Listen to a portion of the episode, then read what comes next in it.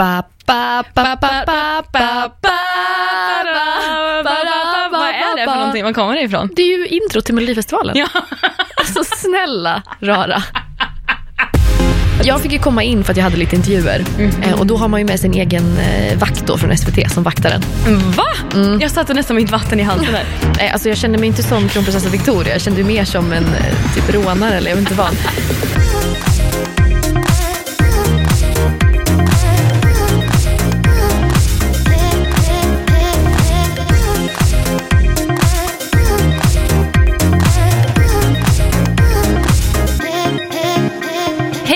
Välkomna till Vad har hänt?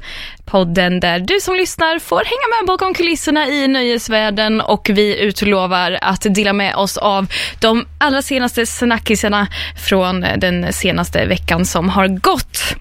Eh, vi som hänger med dig idag, det är Sara Mansouri, jag alltså, som pratar just nu, om jag måste säga det. Ja.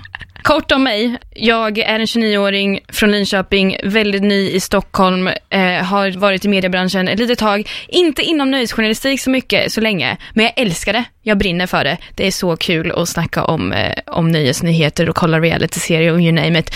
Eh, annars så älskar jag att resa, yoga och en, är en hejare på att laga veganmat. Mer än så ska inte jag säga mig, för att för er som lyssnar på pilotavsnittet har ni redan hört hur, när jag bara så här jättefort rabblar upp hela min livshistoria typ, så vi, vi drar ett streck där. Istället välkomnar jag min sidekick, Schlager-Stina. Eller? Stina Dahlgren, välkommen hit. Tack så mycket. Tack så. Du är ju också från Häntgruppen, så vi är kollegor. Ehm, men, men om du bara ska berätta lite om dig själv, så att eh, den som lyssnar kan få en uppfattning. Vem är du? Gud, det vet jag inte ens själv. Jag vet det, det, det, är alltid, det känns alltid som en arbetsintervju, sådana här saker. Nej, men kort om mig då. Eh, Stina Dahlgren heter jag och eh, jag har ju jobbat på Hänt nu i snart ett år. Och jag, precis som Sara, älskar ju allt som har med nöje att göra. Jag älskar skvaller, nöje, musik, eh, realityserier, eh, allt, you name it. Så att, eh, jag älskar ju mitt jobb, allt vi gör, alla galor, vimmel. Särskilt att vara ute på vimmel, jag ska säga att du gör. Och Ja. du är väldigt grym på det. Och vi ska komma in på också varför du kallas för Schlager-Stina eh, lite senare i programmet. Men som vanligt, eller som eh, våran podd är upplagd, så kommer vi att gå igenom eh, fem olika rubriker från veckan som har gått, som vi har samlat ihop för att du som lyssnar ska få liksom eh, hänga med som sagt bakom kulisserna och höra vad som, vad som hänt den, den senaste veckan. Så idag, det vi ska prata om, det är bland annat romansrykten och bakom kulissernas snack från eh, Mello deltävling numero uno. Och Ooh. kanske dos och kanske tres, vem vet. Vi kommer prata om eh, John Lundvik, eh, hur han, liksom, han ska ju tävla i sista deltävlingen i Mello. Vad gör han veckorna innan? Hur förbereder man sig för Mello? Vi kommer prata om idolvinnaren 2018, Sebastian Valdén, som kommer berätta för oss att, eller vi kommer få höra honom berätta om att det här med kärlek, det har inte varit en dans på rosor sedan han eh, blev känd genom Idol. Men vem går kärleken en dans på rosor för? sa hon bittert. Men eh, vi ska börja med första rubriken, så häng med. Så lät Clara Henrys tacktal på Guldbaggen som aldrig visades. Ja, alltså, så den årliga Guldbaggegalan sändes eh, den 28 januari. Eh, och det är ju alltså galan, för, för dig som missat, så är det en gala som, eh, där filmer prisas helt enkelt, för olika priser. Stina, du, min kära gala-queen som jag vill kalla dig, eh, du var ju på plats. Ja, det var jag, såklart. Och, och det här är väl typ, man kan ju inte räkna på en hand hur många galor och mingel du har varit på, men det är en av många. Som jag förstår det, så var dock den här Guldbaggegalan lite torr. Ja, men alltså det som jag upplevde i år var ju att det var väldigt många av de här stora namnen som saknades. Um, jag menar förra året och tidigare år så det är ju alltid stora stjärnor. Det är liksom Rolf Lassgård och Mikael Persbrandt och Helena Bergström och de saknades lite i år. Vart var de då? Ingen aning, de var väl inte Var alla nominerade. hemma? Ja. Nej men och sen, det var ju liksom mitt jobb på röda mattan där och eh, det var ju, ja det var lite, lite tört där så att säga. Men även själva galan, det som sändes på tvn, var också, det fick mycket kritik, det var tråkiga tacktal, det var, och det är ju en svår publik, alltså det är det ju alltid. De som sitter där i publiken är ju väldigt credit folk så att säga och de är svåra att underhålla. Och imponera. Ja faktiskt, den enda som faktiskt blev hyllad det var ju Filip Hammars eh, mamma. Varför då? Ja men hon, Filip och Fredrik var ju inte där, de bojkottade ju då eh, Guldbaggegalan. De var lite sura för att de inte hade fått så många nomineringar. Aha. Så att eh, hon tog över och höll ett, eh, fantastisk, ett eh, fantastiskt eh, tacktal som folk garvade ihjäl sig åt. Det var, hon var den enda som var kul. Cred till Filip Hammars mamma. Ja, verkligen. Men okej, så det var, det var alltså lite torrt. Men jag tänker ändå så här, du nämner tacktal här. Alltså, om jag skulle vunnit eh, någon gång på någon gala och jag liksom har blivit nominerad till någon, men jag tänker så här, jag kommer säkert inte vinna ändå och sen så gör jag det. Och sen ska man helt plötsligt gå upp och leverera ett jätteunderhållande tacktal. Det kan ju inte vara så himla lätt. Nej men jag tror, jag tror ju 100% att de ljuger, de som säger att oj, jag har inte förberett något. Jag är ingen talare, men Ja, men du, går ju inte, du går ju inte dit till en Guldbaggegala och inte har förberett ett tacktal. tror du att det är så? Ja, ja, ja. De, men folk vill bara verka ödmjuka tänker jag. Ja, för att det är ju lite så, du utmanar ju ändå några av gästerna på Guldbaggegalan när du var där på röda mattan. Ja, en riktig utmaning fick de. Ja, berätta. Vem Nej, men- var det du träffade? Ja, men jag träffade ju då, eh, ja, det var ju Daniel Paris och eh, Clara Henry och Clara Henry höll ju ett eh, otroligt kul låtsastacktal får vi väl säga. Och eh, hon hade då bara 10 sekunder på sig att eh, hålla det här. Och så här lät det. Tack mamma och pappa och äh, juryn och eh, eh, eh, var, var, var inte elaka utan var snälla. Du, du, du, du, och där går det då ner. Bra. Var det där SF-themesången? Ja, alltså det här, det här talet, jag tycker det är underbart. Alltså så här, hon, hon har ingen aning om att du ska komma fram till henne och be henne, så här, för ofta sådana här vid röda matten-tillfällen, då är det väl att du går fram och frågar om ja, karriär, kanske familj, kärlek, sådana saker. Men du, Stina Dahlgren, kommer fram och bara, håll ett tacktal. Du är inte ens nominerad till någonting här ikväll, men du kan väl gå fram och håll ett tacktal några Gud, sekunder. hon kanske trodde jag var jätteopåläst. Hon bara, alltså snälla jag är inte nominerad. Hon spelar med för att vara snäll. Ja, precis. Roligt tacktal i alla fall tycker jag, som, eh, som eh, Clara Henry fick till här. Det är verkligen. Vi får ju hoppas att hon faktiskt vinner någon gång på riktigt så att hon får Det hålla. hoppas jag, hon är ju grym. Ja. Men i alla fall, på tal om det här med, med tacktal, då, alltså det, det fick mig lite att börja undra över hur det egentligen faktiskt går till på sådana här prisskalor. Alltså, har man förberett tacktal om man är nominerad till något? Du tror ju det, uppenbarligen. Ja, ja, ja, gud ja. Eh, hur liksom bestämmer man vem man ska tacka och så här, om man är ett team, vem skickar man upp på scen och eh, så här, vad, vad, vet de som är nominerade att de ska vinna innan de kommer till galan? Någon som jag tänkte vet det här eh, ganska väl, det är ju en av vinnarna till årets Guldbaggegala. Och det var eh, Olle Tholén som var producent till Den blomstertid nu kommer och jag eh, har ringt upp honom för att snacka lite mer om detta. Men du, stort grattis till att börja med. Ja, tack. Det är jätteroligt. Ja, alltså hur känns det att få ett sånt fint pris liksom? Eh, väldigt eh, trevligt. ja. men det är lite så här eh, ett, ett, eh, en, en, ett skönt kvitto från den delen av film-Sverige. Eh, vi har liksom känt den bekräftelsen från publik och så. Men eh, det här blir första gången när det är mera från etablissemanget som man blir prisad på det här sättet Precis. för den här filmen. Men för ni var ju nominerade i, i ganska många kategorier egentligen. Det var väl tre andra också, som jag förstår det. Ja. Ehm, fanns det någon form av besvikelse för att ni inte vann fler priser i år? Alltså, när, när de nominerade läses upp och sen säger man och vinnaren är och så är det inte själv så är det klart att man blir där och då besviken. Och det som alla du Eh. bara, "Ah, nej. Ja, och all, vi hade liksom potentiellt chans att vinna fem priser tror jag.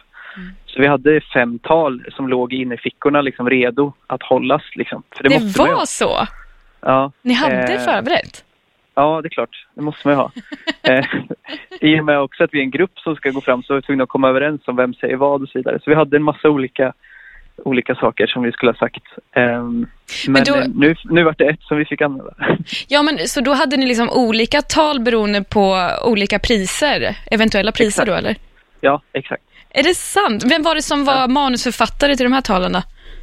Eh, ja, men det, här var, det här talet låg på Albin som började läsa det. Eh, och sen så sa vi att jag skulle runda av det lite på slutet. Mm. Eh, så så blev det. Men det fanns en massa olika roliga konstellationer av tal som aldrig kommer hållas. Hur lång tid tror du att ni la ner bara på att skriva tal egentligen? Nej, det gick väldigt fort faktiskt.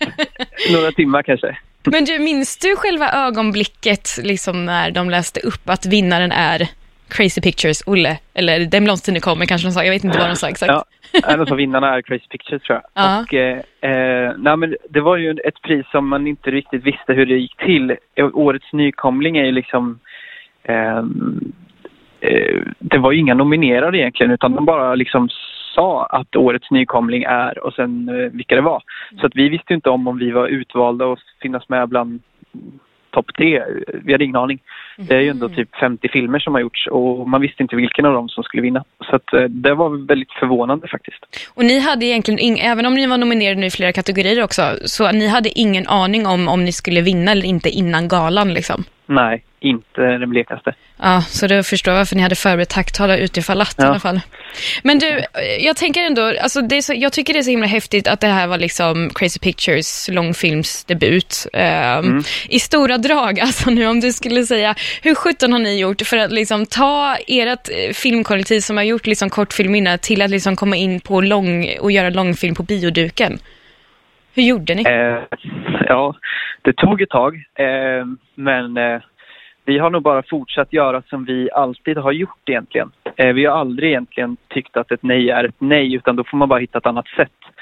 Och vi har hållit på med väldigt mycket kortfilm som liksom har funnits på nätet och vi har gjort väldigt mycket reklamfilm och sådär men hela tiden så har det här långfilmsprojektet varit liksom målet och drömmen att få göra. Mm. Eh, så vi har hela tiden sett till att det liksom finns en, en framåtrörelse i det här projektet. Och det har funnits i sju år nu, så det har liksom hela tiden varit det man har satsat på. Mm. Eh, och så har man liksom eh, gjort ett, eh, ett manus och så springer man och försöker finansiera det och så får man nej från folk och de säger att det går inte att göra en sån typ av film i Sverige. Det blir för dyrt och det är för svårt. Eh, gör något vanligt och då säger vi aldrig i livet och sen så spelar vi in en pilot för att bevisa att vi kan visst och så får man samma tillbaka att det där går inte. Eh, sådär. Så det har hela tiden varit en kamp mot skeptiska röster. Mm. Och det har nog gjort att vi har tyckt att det har varit väldigt kul att mm. behöva motbevisa det och säga att de har fel. Så det har, blivit, det har varit som en utmaning helt enkelt kan man säga? Som har... Ja, verkligen. Mm. Men, men blir det fler långfilmer i framtiden eller? För Crazy Pictures? Det blir absolut fler långfilmer. Vi håller på just i detta nu eh, och eh, planerar nästa långfilm eh, och lite andra spännande grejer. Så oh. det händer mer än någonsin faktiskt. Vi Men har verkligen fått mer smak av det här. Kan du tisa vad det, vad det kommer vara för typ av film? Är det katastrof-thriller igen som det kommer handla om eller? Nej, alltså det kan jag nog inte säga men det kommer fortsätta vara vi kommer nog gå mer och mer åt liksom high concept eh, och göra liksom genrefilm spektakulärt för den stora massan kan man säga. Mm. Eh, och vi kommer vilja göra det på vårt sätt i liksom våran lilla stad. Olle Tholén som alltså var producent för Katastroftrillen. Jag tycker det är så svårt att säga thriller. Thriller. Trillen. Katastroftrillen. Den bromsetid nu kommer som alltså vann årets nykomling på Guldbaggegalan. Idol Sebastian om månaderna efter vinsten. Nej, men eh, Sebastian Valdén, eh, han, eh, han vann ju hela Idol 2018 och var väl, han var ju egentligen inte en favorit från början. Men han lyckades liksom ta sig in där i svenska folkets hjärtan som man säger och tog till slut hem alltihopa. Det var ju väl i december finalen var va? Ja precis. Ja, så det är ett tag sedan nu. Men, men det är inte så länge sedan egentligen om man tänker efter. För att redan nu på QX-galan som var nyligen så var han nominerad till årets HBTQ. Verkligen välförtjänt. Verkligen. Och eh, jag hängde lite på, på QX-galan och eh, haffade Sebastian för jag vill ju liksom se lite hur, eller så här, kolla liksom läget några månader efter en idolvinst. Jag tänker liksom så här, livet måste ha förändrats något brutalt totalt mycket, alltså från att vara alltså, så här, okänd i offentligheten till att helt plötsligt liksom bara strålkastarljus och så här, idol, allt är jättestort och sen så bara försvinner det. Liksom hur är tiden efter det? Eh, väldigt mycket att göra. Mycket jobb och mycket, eh, men mycket som man ska liksom tänka på och sådär. Men eh, så stressigt men också väldigt roligt. Mm. Extremt kul. Om du jämför liksom QX-galan förra året, hur ditt liv var och sen hur det är idag. Ja. Var det liksom jag hade ju aldrig trott att jag skulle befinna mig här idag. Till att börja med. Kommer du ihåg vad du gjorde för ett år sedan? Jag satt och kollade på alla uh, My Stories på folk som hade görkul på QX-galan. Och nu är du av Och nu är jag här. Herregud. Han eh, berättade också att det inte har varit superlätt att eh, hitta en partner nu efter Idol. Det verkar som att han är lite sugen ändå på att hitta en, eh, en partner, en kärlekspartner. Eh, men eh, när jag frågade honom hur det går med kärlekslivet nu efter Idol, för jag tänkte ju att ja, det måste vara mycket lättare att hitta någon nu när man är känd. Då sa han så här. Det är faktiskt inte det. Är det inte? Nej, det är det inte. Jag tror för att tvärtom, folk är lite rädda. Jaha, du är lite såhär intimidating. Jag, jag vet inte vad det är. Jag som är så... Du verkar, som verkar så snäll. Ja, men det är men så här, men jag vet inte vad det beror på. Men, nej, men vad skrivs? Är det folk som skriver? Det måste ju vara folk som skriver. Ja, men det är det. Lite så. Men eh, alltså så här, inte mer än... Det är inte överdrivet liksom. Inte mer än vad som var innan eller? Nej, inte direkt. Inte? Nej, faktiskt inte. Är det sant? Men det tycker jag är lite skönt. Ja. Ja. Hur går det med kärlekslivet då? Åt skogen. Varför då? Nej, men jag vet inte, jag är kanske inte heller ute och, och har mig så himla mycket på den fronten. Alltså att jag suktar efter någon just nu. Men, eh, men jag kommer ju absolut, vem vill inte ha någon att älska liksom. Han sa faktiskt också att eh, han använder Tinder, eh, men använder det kanske inte superflitigt. Och sen så sa han också att det händer att folk tror, när han matchar med någon på Tinder, att folk kan tro att det inte är den riktiga Sebastian Valdén. Ah, men du, har du, du har inte sett eh, Samir Badrans knep? Nej, vadå? Nej, men han är ju ute på Tinder nu. Aha. Och han har ju då lagt till sin, han har ju länkat sin Instagram Ja. till sin Tinder-profil och han har också då för att förtydliga skrivit eh, obs, detta är ett äkta konto, typ kolla Instagram som är länkat. Ah, Sebastian, om du lyssnar på detta, gör som Samir. Ett litet tips från Ett litet Samir. tips. Trodde man aldrig att man skulle få kärleksråd från Samir Badra. Och då har vi kommit fram till veckans what the fuck!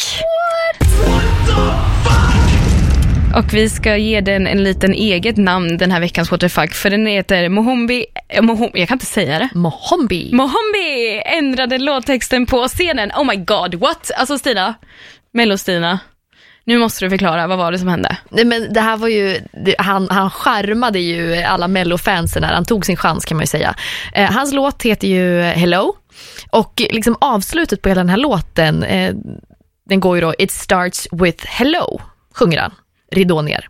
Men mitt under den direktsända lördagsdelfinalen där så avslutade han med It starts with mellow. Är det sant? Nej, men du kan ju tro att schlagerfansen jublade. Han plockade ju hem otroligt mycket pluspoäng där. Alltså det är jättekul, men alltså jag vet ju också att du pratade med honom. Ja, men jag var ju tvungen att, att fråga vad han tänkte och eh, lite vågat för att man vet ju aldrig hur Christer Björkman kan reagera på Ja. sådana här spontana kupper.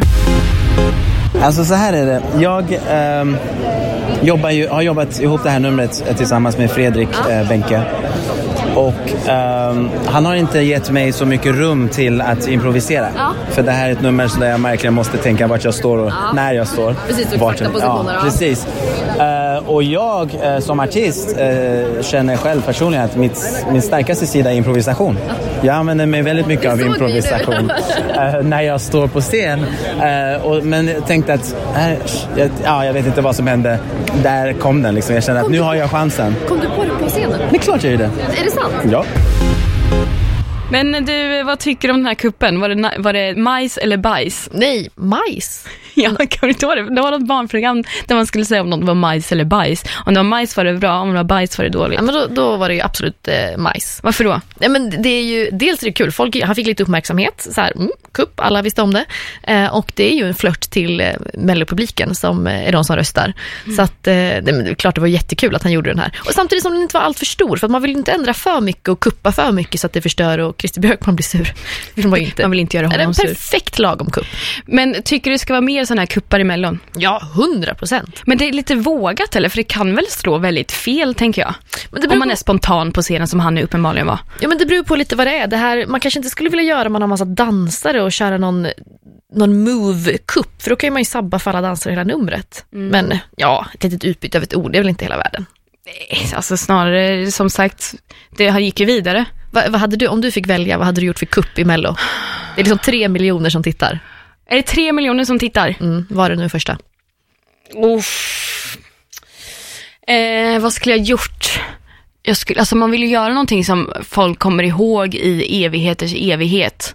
Alltså något så här, något, något så här, fast man vill inte vara så här ökänd heller, typ att man råkar kissa på sig på scen eller något. Nej, eller nakenchock är Nakenchock är inte så kul. Vet, alltså, har du något? Nej men, eh, man hade ju velat, man hade ju velat, en liten flört med Christer Björkman kanske. Någon överraskning, ta upp honom på scen, tvinga Ja. upp honom på scen. Oj, det hade han inte gillat tror jag. Nej, okej, jag hade, man ut sen. men hade det inte varit liksom bara, hade man inte bara kunnat, eh, kunnat göra någon, eh, någon sån här kupp, du vet skriva något på magen eller något och bara wow, flasha lite i slutet. Men då skulle det bli nakenchock. Alltså då skulle det bli det ändå. Men det behöver inte vara Fast det gör ingenting. lite mage. Det har väl ingen mått dåligt av. Kanske man har skrivit något fint budskap. Ja, nej, jag vet, vad- jag vet vad jag skulle göra. Jag skulle lätt typ eh, hoppat bungee jump eller något. Alltså så här, helt plötsligt så här, gått upp på en eh, så här, platå som höjs höj, högre och högre upp så här, på slutet och sen så när de tror att låten ska sluta och jag ska försvinna så hoppar jag ner i en bungee jump och hela mitt huvud ramlar ner i en, en pöl av jelly eller något sånt. Du blir doppad i gelé. glitter. Glittergelé. Det är otroligt ju riskfylld kupp. Om du känner att du vill ta den risken, varsågod. Jag, håll, jag håller mig till att skriva en liten text på magen.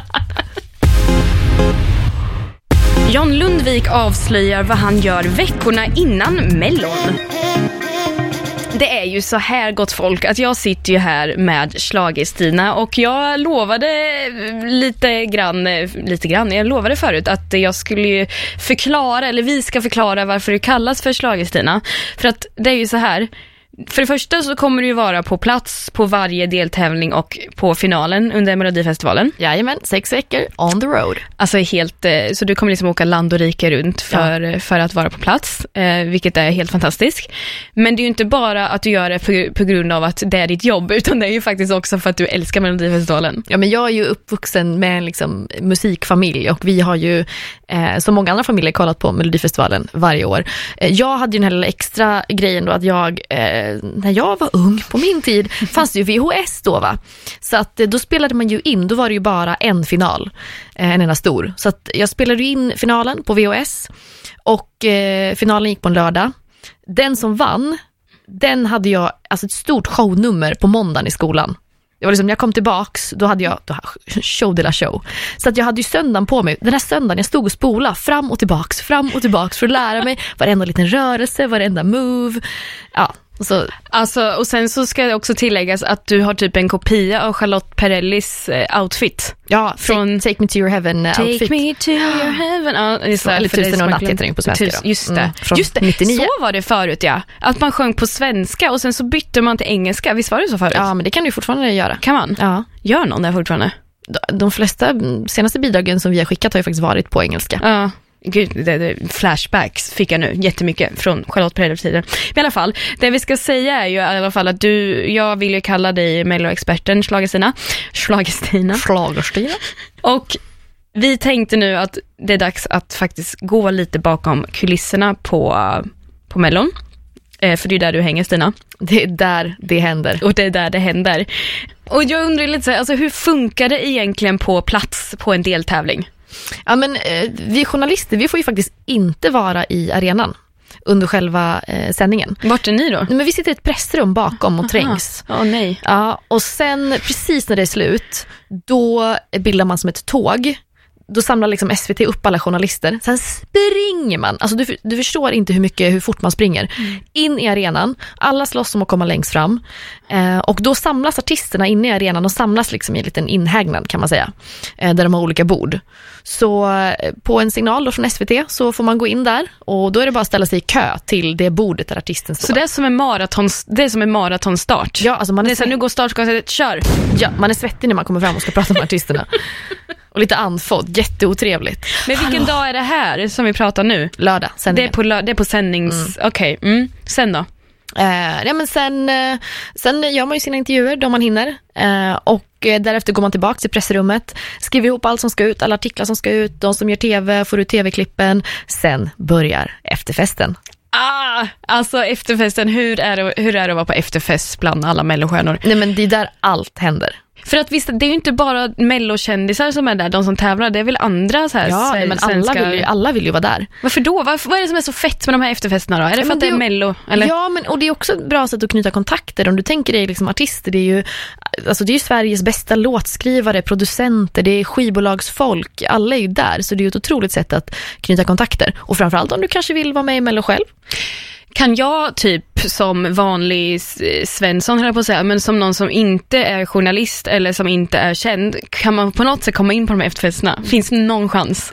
Det är nog otroligt svårt. Kanske om du har En guldbiljett? Ja, om du, om du har rätt kontakter. Men det, är ju, det krävs ju lista och legitimation och det är ju, ja, mm, in. Men i alla fall, så du, du hänger där och då kan jag tänka mig att man ser en del roliga saker också Ja, som folk men, gör. ja, men verkligen. Eh, och framförallt, det, det stora som alla väntar på det är att de här två finalisterna ska komma dit och spruta champagne och festa. Det, är- det är det alla vill se. Är det då festen börjar på riktigt? Ja, men det kan man säga. Det är Ja. då festen börjar. Sen får ju vi journalister faktiskt bara rapportera fram till midnatt. Varför då? Ja, men sen måste artisterna få känna att de är lite... Lite fria och göra vad de vill. Då kan de släppa loss, göra vad de vill. Aha. Så det är som en, en regel, liksom, att eh, efter klockan 12, då får inte journalisterna filma eller göra intervjuer, eller, utan då, då är alla fria. Men alltså säg att jag eh, har skitbra samtal med någon där efter 12, jag får inte använda det där alls till om jag är re- reporter.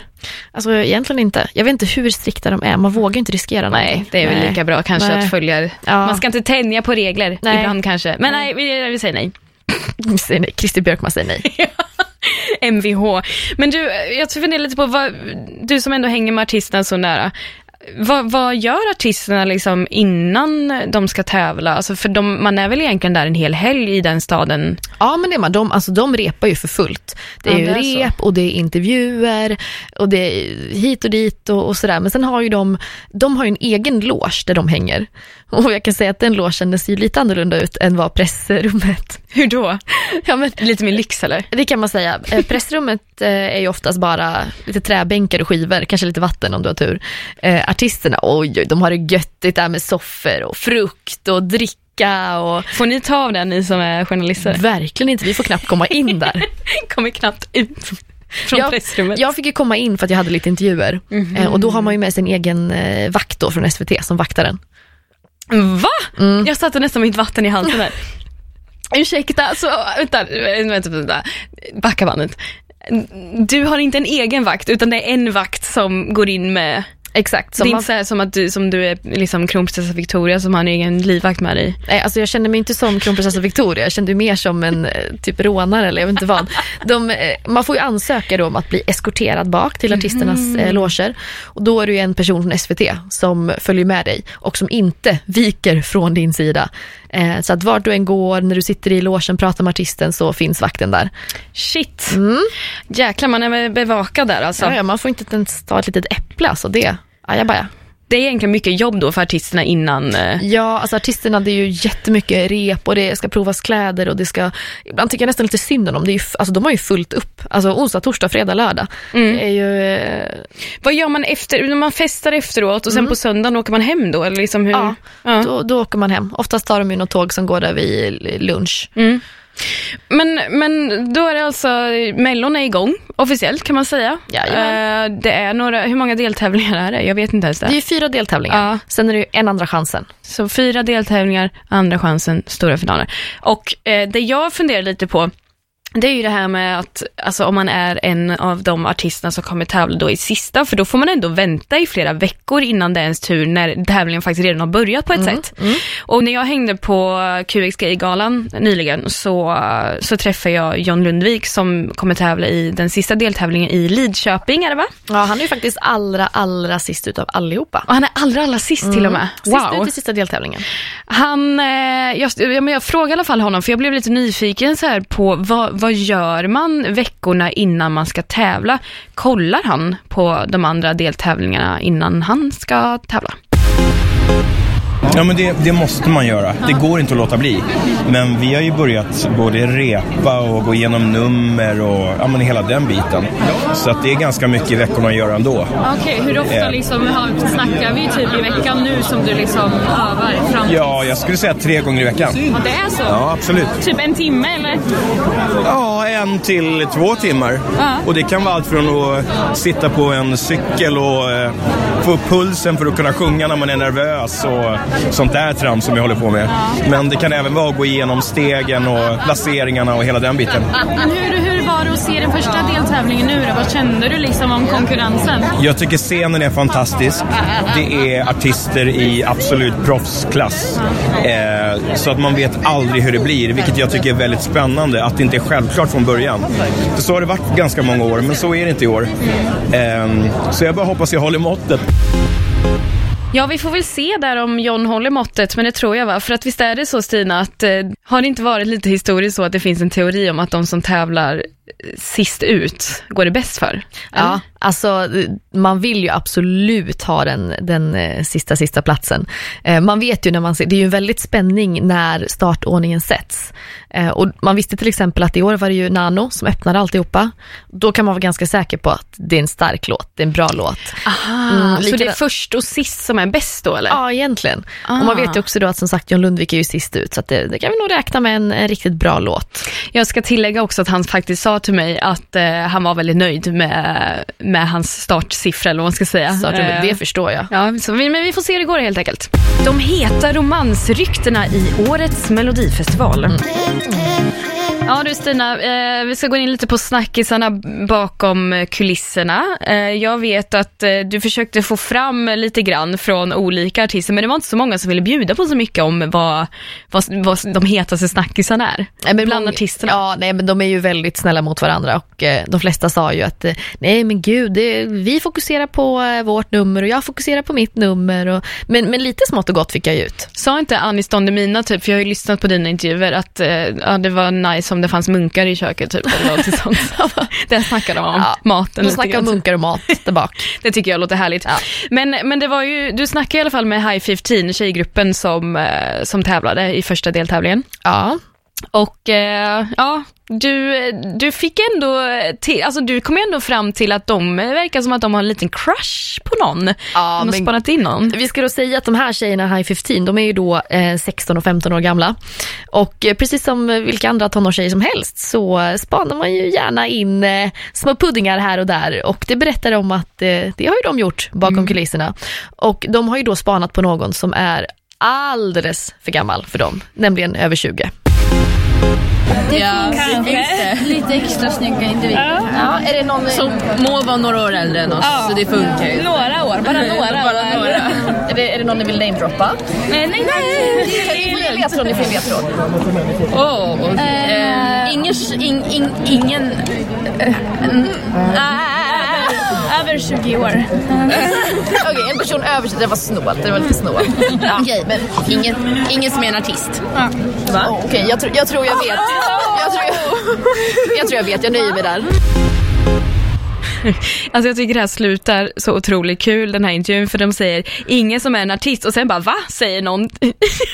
det känns som att de var lite osams där. Men vem är det de pratar om Stina? Ja, men jag som var där då, eh, of course, eftersom jag gjorde intervjun, jag såg ju att det sneglades otroligt mycket åt Erik Sades håll. Men vad, var han där? Ja, men han stod ju också där och blev intervjuad. Jaha, ja ja, det är Jajamän. klart. Ja. Så, Alltså, så f- får jag gissa så, så eh, tror jag att det är gamlingen Erik Sade. ja, han är gammal alltså. Pun intended. Men, men det är ju lite, det är ju, jag tycker ändå det är kul det här med, med, med kärlek och crushes och mello och sådana saker. För att jag träffade ju också Hanna Färm och Liamo när jag var på QX Gaygala nyligen. Och det är kring, de ska ju tävla nu i nästa deltävling två i Malmö. De har ju också haft, alltså de tävlar tillsammans liksom. Och kring dem har det ju gått någon sorts eh, kärleksryktesromans som jag inte vet vart den kommer ifrån. Men det ryktas om det. Jag tror att jag har ju träffat dem i alla fall två, tre gånger och frågat dem varje gång och de nekar till det. Men ändå så känner jag att jag vill fortsätta fråga denna fråga. Som... Som... De ska kolla på på lördag! Du blir lite röd i Nej, ansiktet. jag tycker bara det är kul för det kom inte fram till något. Vadå? Nej, ingenting. Alltså jag tycker det är så kul här när jag pratade med dem, för Liamo, alltså han blev typ lite röd i ansiktet och eh, började, båda liksom fnissar, vad ska man tro? Men om jag ska vara helt ärlig, jag var ju faktiskt så fräck att jag för några veckor sedan, eh, när jag också försökte luska lite i det här, frågade rent ut, har ni två hånglat med varandra? Och svaret blev faktiskt nej. Men tror du att de talar sanning? Men jag tror det. Liamo ska ju ha en, en annan eh, flört nu, mm. eh, som han har berättat om. Så att han verkar ju ha någon annan eh, på gång. Jag, jag, jag, jag, tror inte, jag tror att man mer tycker om, man tycker om bilden av Hanna Fermo och Liamo tillsammans, för de är ju otroligt snygga ihop. Vackra människor. Ja, så man vill ju att det ska vara något mellan dem. Men eh, nej.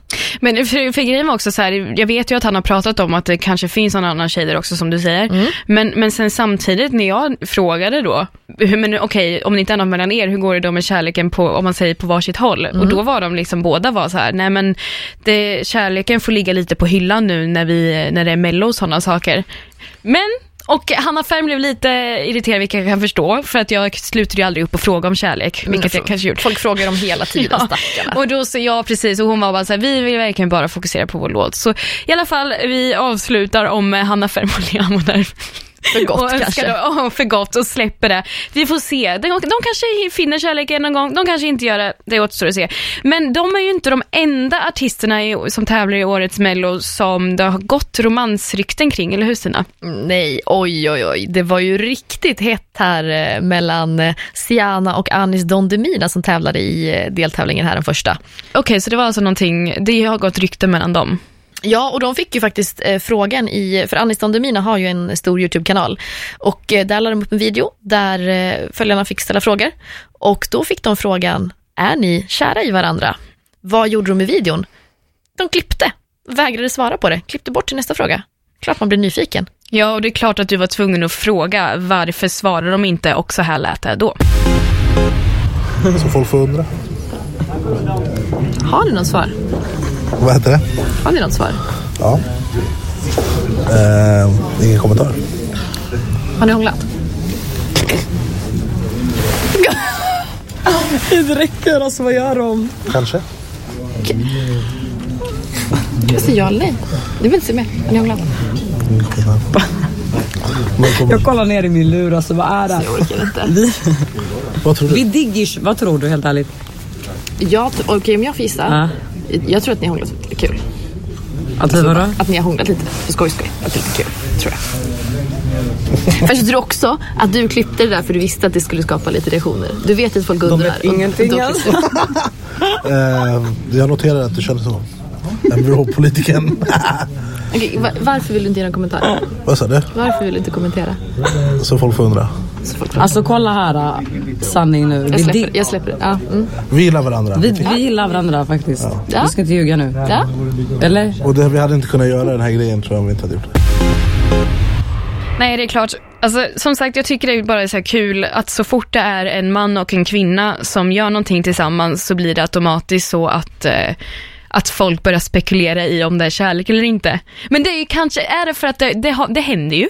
Ja men och folk vill ha kärlek, folk ja. gillar kärlek. Jag tror, är det inte lite så? Om det hade varit ett kärlekspar som ställde upp i Melodifestivalen, hade de inte fått mer röster då? Tror du? Ja, kanske. Jag tror det. Ja, men också för att om man ser på, vissa gånger är det ju faktiskt sant. Om man kollar på typ Samir och Sigrid eller Let's Dance, det var ju romansrykten där jättelänge. Och sen så var det faktiskt så. Så det är många gånger det där stämmer. Och vi ser på Idol i år, det gick ju romansrykten där och det visade sig att eh, Kadiato och William Strid hade en romans. Där lever folk lite på att det, så här, men det händer, det kan hända. Mm, mm. Det är klart, kärlekshoppet finns där hos oss alla. Ja, gör det verkligen det? Ja, jag vet inte. Alltså, det är... Nej, usch. alla hjärtans dag snart, det får... Uh... Usch, påminn mig inte. Nej. Men det är faktiskt det vi ska prata om i nästa avsnitt. Alltså, vi, vi har pratat om mycket idag Stina. Mm, verkligen. Vi, eh, vi, vi ska prata lite kärlek faktiskt i nästa avsnitt för att då, det är ju alla hjärtans dag som eh, närmar sig då och då kommer vi, vi prata lite om vilka kändisar som använder Tinder kanske. Vi kanske kommer oh. prata om lite mer, alltså det är det här som är så intressant med den här podcasten för att man vet aldrig vad som händer under veckan så man vet aldrig vad som komma skall. Ni har lyssnat på Vad har hänt med Sara och Stina in the house. Tack Stina. Tack själv Sara för att jag fick eh, komma hit och gästa din podd. Och tack till dig som lyssnar. Puss och kram. Bam, bam, bam, bam, bam, bam, Det är från Mellon om du inte visste det. Bam, bam, bam, bam, bam, bam, bam, bam. Jag har alltid trott att det var typ så här OS eller något. Tror du jag hade kunnat nynna på en OS-låt?